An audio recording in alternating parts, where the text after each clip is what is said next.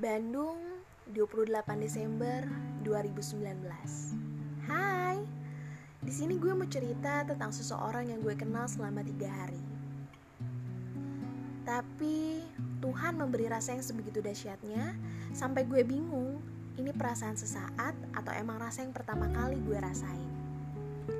Kalian pernah rasain gak sih rasa di mana kalian bingung buat deskripsiin perasaan apa sih ini? Dan di sini gue bakal ungkapin apa yang ada di hati gue. Mungkin buat orang akan anggap ini kayak, ah elah, tiga hari, apaan sih? Masa rasa sayang bisa tumbuh cepat banget kayak jin surat sakit? Tapi apa kalian tahu, kekuasaan Tuhan itu sebesar apa?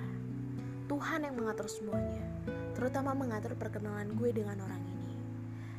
Dan menaruh rasa besar dari gue untuk dia. Kenapa gue ada di sini sekarang?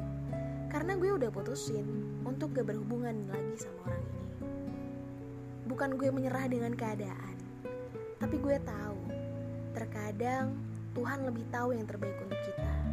Walaupun berat, tapi ketika memiliki rasa sayang, gak wajib untuk saling memiliki kan?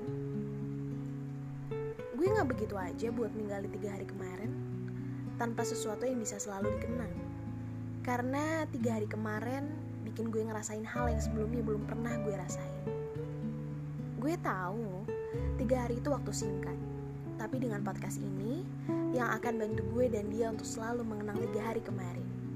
Dan podcast ini juga akan terus ada sampai kapan pun dan bisa didengar di mana pun.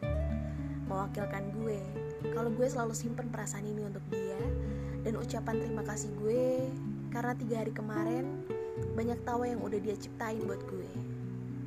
So, suara dari Bandung untuk seseorang yang tinggal di ibu kota, suara dari kota yang dingin ini akan menyuarakan rasa rindu.